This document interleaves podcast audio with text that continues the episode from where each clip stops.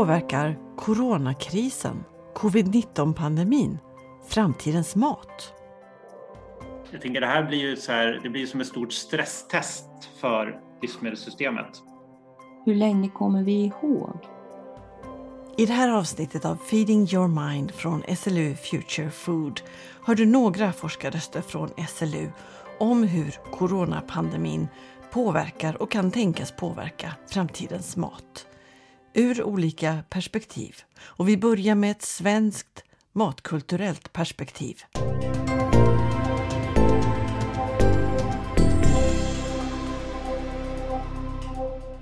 Jag heter Rickard Tellström och är docent i måltidskunskap och arbetar som expert på SLU Future Food, särskilt med matkulturfrågor. Ett, möjligen ett paradigmskifte som sker på grund av en pandemi. Det har vi faktiskt inte haft sedan digerdöden på 1300-talet. Det man kan titta på på historiska händelser att ta hjälp av så är det tre stycken faktorer som hela tiden påverkar matkulturen åt nya håll. Det är värderingar, politik och ekonomi. Och sker det stora förändringar inom värderingar, politik och ekonomi så brukar matkulturen sticka åt ett nytt håll. Det händer inte så ofta faktiskt. Det är någon gång per århundrade eller någonting sånt. Det här att politiken påverkas, ekonomin påverkas, där är alla med. Hur menar du att värderingarna påverkas nu?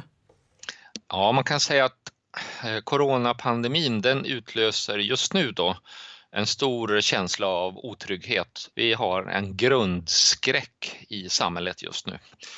Eh, det som människor då vänder sig matmässigt, det brukar vara till traditionsmåltider. Alltså man blickar bakåt till det som är igenkännbart och det som man har kunskap om. Men sen efter att krisen är överstånden, då känner man inte så stort behov av traditionen längre. Och man vill också oftast inte heller återgå till det som var precis innan krisen. Vi får alltså nya matideal. Finns det något um, historiskt relevant läge att jämföra med? Jag, jag tänker liksom på andra världskriget eller någon annan sån här stor, stor händelse som påverkar allas liv.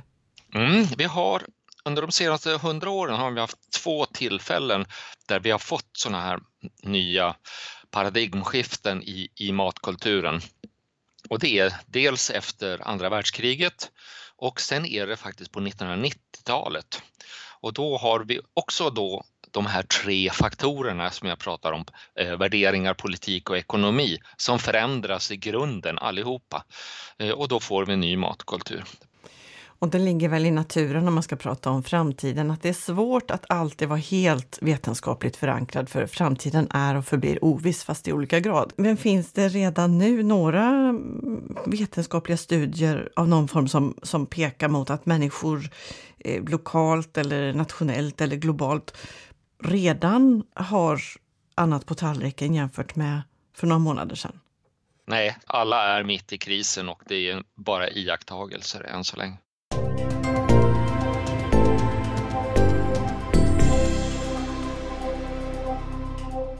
Just nu då, i brist på framtidens vetenskapliga studier, är en spekulation från Richard Tellström att pandemin som så snabbt och på så många sätt genomgripande ändrat våra liv kommer att leda till att allätarnas livsstil kommer ut på andra sidan som den strategi som är mest hållbar inför framtiden. Istället för olika dieter som det senaste decenniet vunnit mark men som ofta bygger på råvaror som transporterats långt. Alla de som eh, förordade särskilda eh, dieter för att vi skulle hantera den fråga som kommer vara störst under det här hela seklet och det är ju klimatfrågan i dess olika tappningar. Den typen av lösningar som vad ska man säga, föreslogs då de senaste fem åren, kanske någonting sånt, de kommer kännas daterade och de står inte för en, ett nytt synsätt på samhället. Och då kan vi anta att den typen av ätande och den typen av råvarutänkande, den är också då på väg bort och ersatts av någonting annat. Eh, en lokal handel. Eh, vi konsumerar varor som är närmare. Eh, och den matkultur vi har haft på 2010-talet har precis varit det omvända. Eh, globala produkter av olika slag som produceras i lågprisländer. Och man kan anta nu att värdekedjorna för livsmedelsföretagen, de går ut på att hitta leverantörer närmare som kan garantera råvarutillförseln till livsmedelsproduktionen som är kontrollerbara, pålitliga, närma och det kommer kan vi nog anta att det kommer vara så under överskådlig tid framåt och i matkultursammanhang kan man väl säga att det är ungefär 3, 4, 5 år framåt.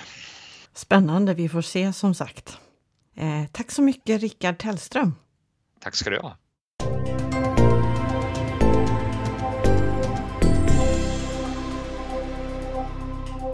Framtidsspaningar där på det matkulturella området kring coronapandemins effekter på framtidens tallrikar. Men som Rickard Hellström poängterade, just nu är vi mitt i pandemin och det eventuella paradigmskiftet. Men det är nu för tidigt för att kunna hänvisa till några vetenskapliga studier i ämnet. Men han nämnde ju klimatfrågan som seklets största globala fråga. Och Visst minns vi alla hur det i början av coronapandemin talades mycket om hur det ganska snabbt gick att mäta tydligt minskade utsläpp av koldioxid runt om i världen. När mänskligheten i ett slag drog ner på industriproduktion och transporter.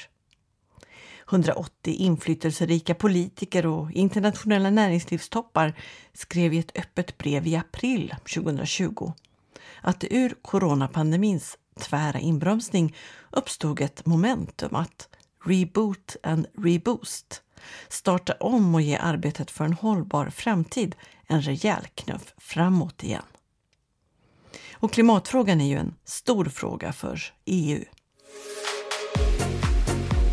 With the European Green Deal we are aiming high. Europeans are calling on us to drive the change. Now it's up to us to answer their call. Det där var Europeiska kommissionens ordförande Ursula von der Leyen som i en Youtube-film från kommissionen pratar om EUs Green Deal. Överenskommelsen som handlar om målet att bli världens första klimatneutrala världsdel till år 2050. Och i arbetet att minska människans klimatpåverkan finns ju matproduktionen med som en stor och viktig pusselbit. Men i coronakrisens spår kommer nu från flera håll varningssignaler och farhågor om ökat matsvinn. Absolut. Matsvinn uppstår ju ofta för att det finns en, eh, någon form av obalans i systemet. Mat hamnar på fel plats vid fel tillfälle där den då inte blir säljbar eller ätbar och då blir oftast för gammal. Mattias Eriksson är SLU-forskare på institutionen för energi och teknik med fokus på hållbara livsmedelssystem och hur matsvinnet ska kunna minskas. Uppskattningsvis en tredjedel av all mat som produceras blir matsvinn idag. Och mycket tyder alltså på att det i pandemins spår blivit ännu mer matsvinn. När det blir väldigt stora förändringar i livsmedelssystemet under kort tid, till exempel då att människor slutar i princip gå på restaurang och istället börjar bunkra mat i livsmedelsbutiker, så förändras ju hela konsumtionsmönstret. Och då hinner inte produktionen och distributionen ställa om så snabbt. Och då finns risken att det blir överskott på vissa ställen eh, och eventuellt underskott på ett annat ställe. Och det kan ju också leda till att man äter andra saker. På restaurang hade man ätit, eh, inte vet jag, färska primörer medan hemma så äter man ris och pasta och så vidare. Nu bara gissar jag vad man äter hemma, men det är troligt att man kommer få andra inköpsmönster, inte bara vart man äter utan också vad man äter. Det här med stängda gränser och helt ändrade förutsättningar för det mesta just under pandemin. Vad är det sannolikt för mat som mer går till spillo nu då än i det mer vanliga, väldigt stora matsvinnet som vi har? Nu är det ju inte säkert. Vi har ju liksom inte, vad ska man säga, den, den svenska skördesäsongen har ju, har, har ju inte varit än. Men det det blottlagde var ju att det finns ett otroligt behov av utländsk arbetskraft framförallt då för att skörda. Och om den då arbetskraften inte får komma in i landet så uppstår ett väldigt problem att det, det blir helt enkelt inte värt att skörda. Det, det finns inte tillräckligt många som kan jobba med just skörd. Det blev ju väldigt tydligt då och kanske mer tydligt än vad någon riktigt hade, hade anat. Att det var det här som var kanske den svagaste länken i systemet. Det är fascinerande att just arbetskraft, något som vi faktiskt har inom landet, är då det som är den första bristen som uppstår.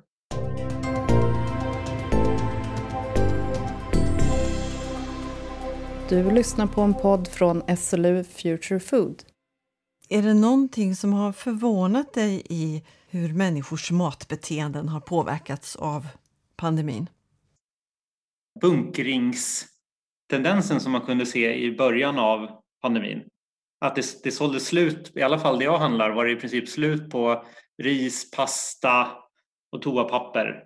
Ja, men alltså verkligen basvaror och det var oftast de, de billigaste sorterna som det var slut på. Det tycker jag är fascinerande att människor så snabbt börjar köpa upp då, ja, men ganska, ganska enkla basvaror som man vill ha hemma. Och det är ju ett helt rimligt beteende. Det är ju helt rimligt att vi äter ganska mycket av de här även i vanliga fall. Blev du själv på något sätt medryckt i den här eh, hamstringsvågen? Nej, jag har ju alltid massa mat hemma. Ja, du är alltid lite redo så om något sånt här skulle hända. Nej, men jag köper ju jättestora paket så att då räcker det ju. Då får man ju automatiskt, eh, vad ska man säga, ett lager hemma. Det är lite så vi kommer att göra framöver om vi nu ska vara lite mer resilienta. Jag tror inte att det handlar om att, hur man ska vara. Det handlar om snarare att hur gjorde man för bara några år sedan? Det, det är ju någonting vi snarare har tappat som en generation tillbaka så var det helt naturligt. Man kan väl ana att vi äter mer avancerad mat nu än vad vi gjorde för bara några år sedan eh, med betydligt mer färskvaror. Det här blottlägger ju mycket av en, en sårbarhet i livsmedelssystemet. Vi har ju byggt upp ett system som bygger mycket på att allting ska levereras precis i rätt tidpunkt så att säga. Vi har inte massa onödiga lager och onödigt lång hållbarhet. Vi har mycket färskvaror som vi liksom hela tiden måste fylla på då. Det blir som ett stort stresstest för livsmedelssystemet. Eh, och har vi eh, i framtiden då om vi vill ha det mer eh, motståndskraftigt, då kanske vi måste äta till viss del andra saker. Matvaror som håller att lagras längre till exempel. Det är ju ett sätt att att öka på möjligheterna att vara flexibel. Så det handlar ju visserligen om, om strömmarna, vart eh, maten distribueras och så, men en väldigt viktig nyckel är också faktiskt, som vi kan påverka då, vad vi äter.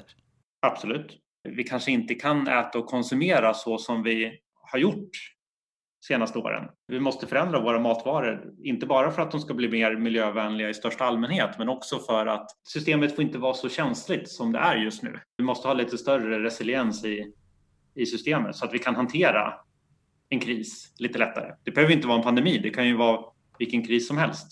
Men skulle du så sett säga att den här pandemin kanske i grunden kan påverka framtidens mat just genom att det har blivit så tydligt hur sårbart vårt system är idag? Ja, förhoppningsvis. Men risken är ju att allt återgår till normala så fort pandemin så att säga börjar avta i styrka.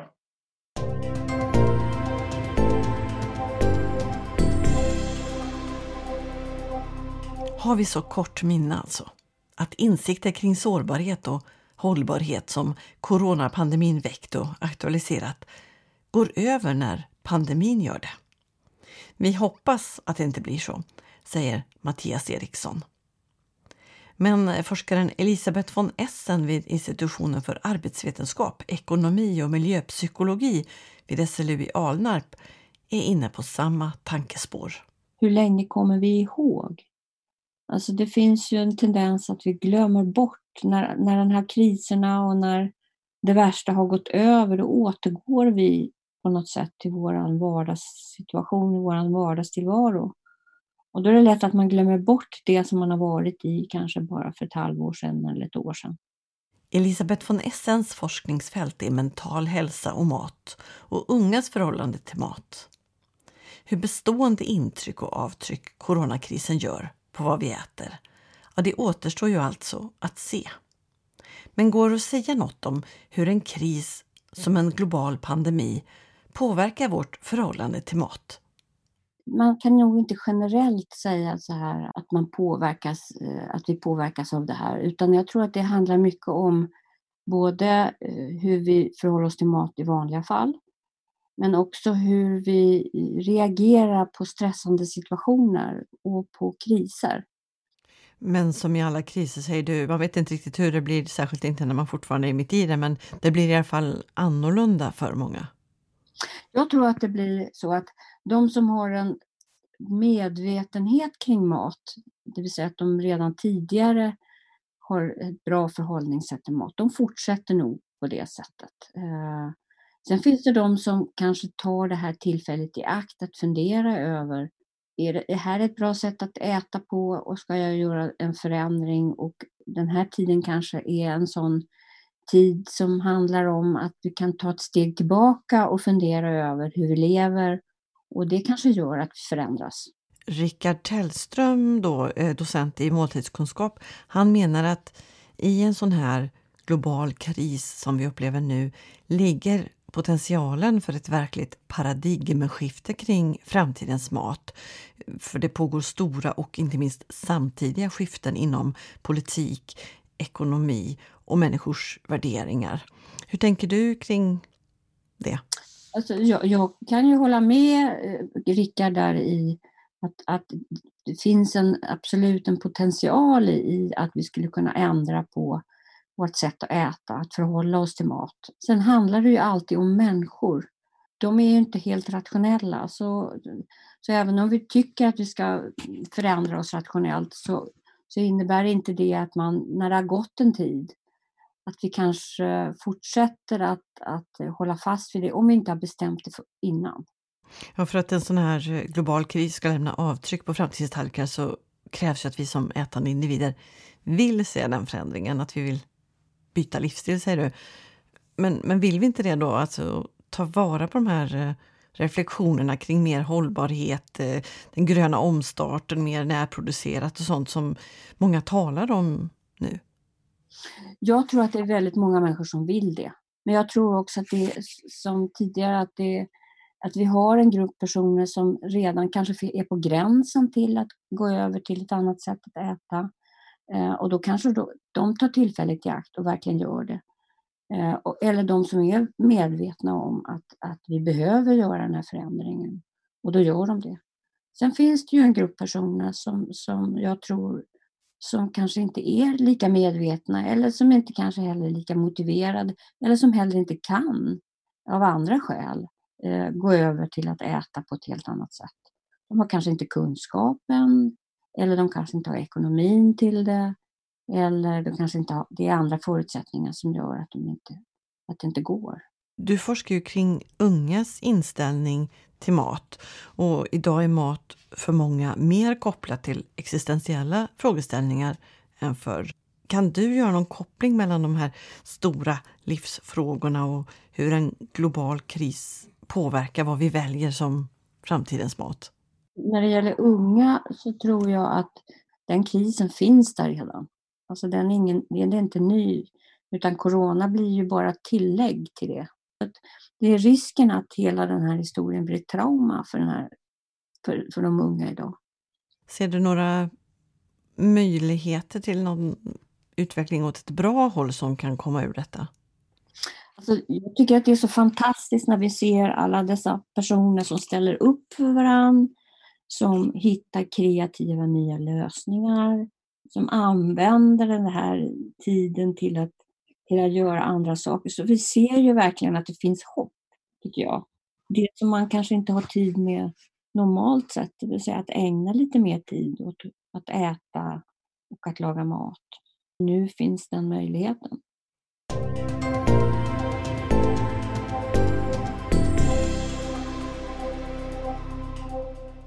Ja, mer tid har många nu som kan leda till ett bestående större intresse och engagemang för maten vi äter. Var den kommer ifrån, hur vi tillagar den och hur hållbar den är. Det är positiva perspektiv på vad coronakrisen kan leda till för framtidens mat, sett från vår horisont. Men vi ska byta lite perspektiv också. Det är alltid så att det är de fattigaste som blir mest drabbade i en sån här kris. Så att det är ju de som redan har det som allra svårast som kommer få det oerhört svårt eh, vad det gäller mat och uppehälle. Kristina Markvart forskar på SLU inom ämnet landsbygdsutveckling kring småskaliga jordbrukssystem i det globala syd och hur de påverkas av socioekonomiska och ekologiska förändringar.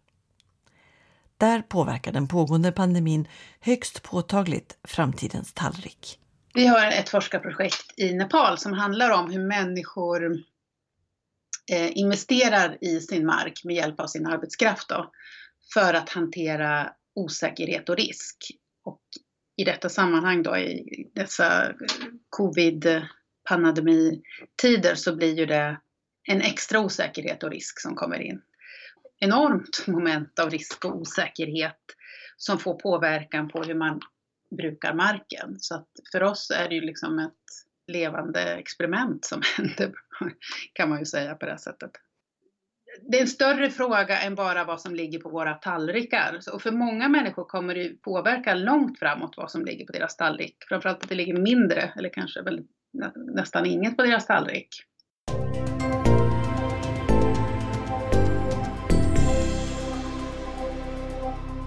Om man tittar på den förändringen som har skett de sista årtiondena i Nepal så är det ju ganska många som har fått det bättre och kunnat äta lite bättre mat och höjt sig från akut fattigdom till inte fullt så fattiga. Och det är ju för att de har, någon i familjen har flyttat iväg och jobbat någon annanstans och skickat hem pengar. Så det gör ju att det blir mindre människor att mätta hemma och plus att man har fått då en inkomst som man kan köpa mat för. Fast nu ändras den strukturen då kan man säga. Ja, det som händer nu är ju att många av de som jobbar till exempel i Mellanöstern eller i Singapore eller Indien, de blir ju hemskickade.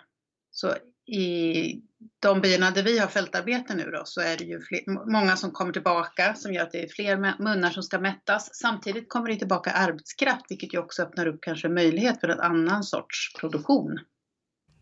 En global kris som coronapandemin vad skulle du säga, var, var påverkas produktionssystemen för mat i världen mest? Är det i globala syd eller i de rikare delarna av världen? Ja, det tror jag beror på lite om man tänker kortsiktigt och långsiktigt. Om man tänker som i Nepal kortsiktigt, det som kommer hända nu, om man nu tänker sig att den här produktionen ska förändras, att människor kommer tillbaka med nya idéer, kanske något kapital om man börjar tänka att man ska bruka annorlunda och så. Det, det tar ju ett tag innan det blir mat. Det är ju liksom ett gap där på några månader. Så det blir högre tryck på den marken. som finns det, kommer, man pratar i Nepal till exempel om att man antagligen kommer få svält i en period. Så att liksom det korta perspektivet så kommer ju de eh, produktionssystemen påverkas mycket mer konkret och mycket mer akut. Men jag ser liksom inte, tittar i Sverige så ser man väl liksom inte den här akuta förändringen, mer än att man har ett stort, i, likhet med Nepal, ett behov av arbetskraft inom vissa näringar. Eh, det är ju en likhet i, i, i krisen man kan se. Men om man tittar lite längre fram så möjligtvis i, både i Sverige och Nepal, om jordbruksproduktionen och livsmedelsförsörjningen, den nationella livsmedelsförsörjningen, liksom blir ett hetare politiskt tema så kan man väl tänka sig att det förändrar sig liksom något i, i ett långsiktigt perspektiv.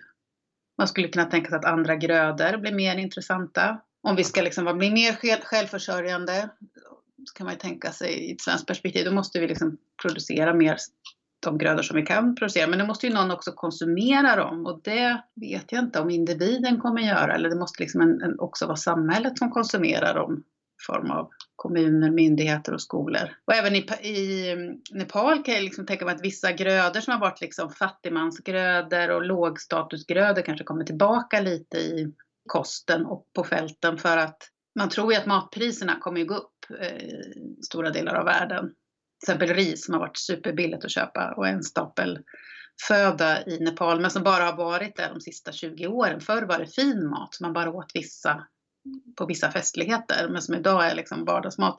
Det kan man kanske tänka sig att det blir mindre vanligt som vardagsmat och att de här traditionella matgrödorna som majs och eh, bovete och kanske sånt som man hämtar från skogen och sånt som de allra fattigaste familjerna visste var grödor eller sånt som man överlevde i perioder av svält på. Som kanske kommer tillbaka på borden igen i Nepal. Ser du att ur krisläget kan komma några positiva möjligheter att hållbarhetstänk liksom av, av nödvändighet accelererar? Jag hoppas och tror också att det kommer att påverka diskussioner runt hur vi tänker oss vår jordbruksproduktion. Men det är fortfarande väldigt, väldigt tidigt att säga liksom, vart tar det här vägen? Vi vet ju inte hur länge det ska hålla på. Vi vet inte vilket väder det blir i den här produktionssäsongen. Det finns ju väldigt mycket som kan göra att det kan ta väldigt många olika vägar fortfarande. Matproduktion är så tätt ihopkopplad med andra frågor som migration, utvecklingsfrågor och att man liksom att man tänker in jordbruk i hela samhällsutvecklingen på ett annat sätt.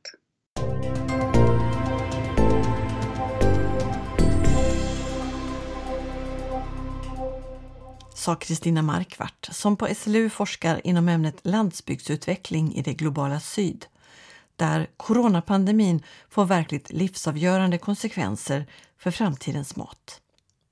I länder som Nepal är en sannolik konsekvens av coronapandemin svält. I länder som Sverige handlar det snarare om ökat matsvinn. Så avslutningsvis tillbaka till Mattias Eriksson som forskar kring hur matsvinnet ska kunna minskas. I höst startar han den första omgången av kursen Matsvinn, dagens problem och framtidens möjligheter. En kurs som kanske aldrig varit mer aktuell. Men som samtidigt handlar om ett stort resurs-, miljö och klimatproblem som funnits länge. Dagens problem är stora nog som de är och framtidens möjligheter likaså.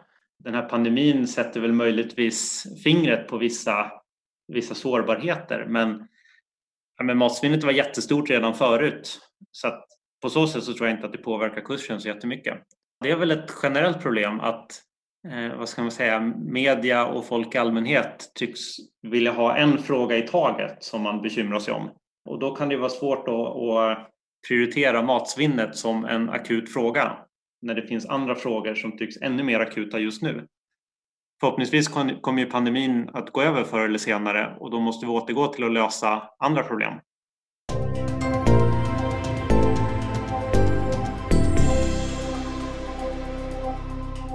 Coronapandemin som en faktor som ökar matsvinnet, som hotar att öka svälten i världen som ger oss tid att engagera oss och intressera oss mer för maten vi äter än tidigare. Och i bästa fall ta med oss våra nya insikter kring hållbar mat in i tillvaron efter pandemin. Då tiden kanske är inne för ett matkulturellt paradigmskifte. Du har hört Feeding your mind från SLU Future Food med några olika forskarperspektiv på hur coronakrisen kan påverka framtidens mat. Jag heter Ylva Karlqvist Warnborg. Música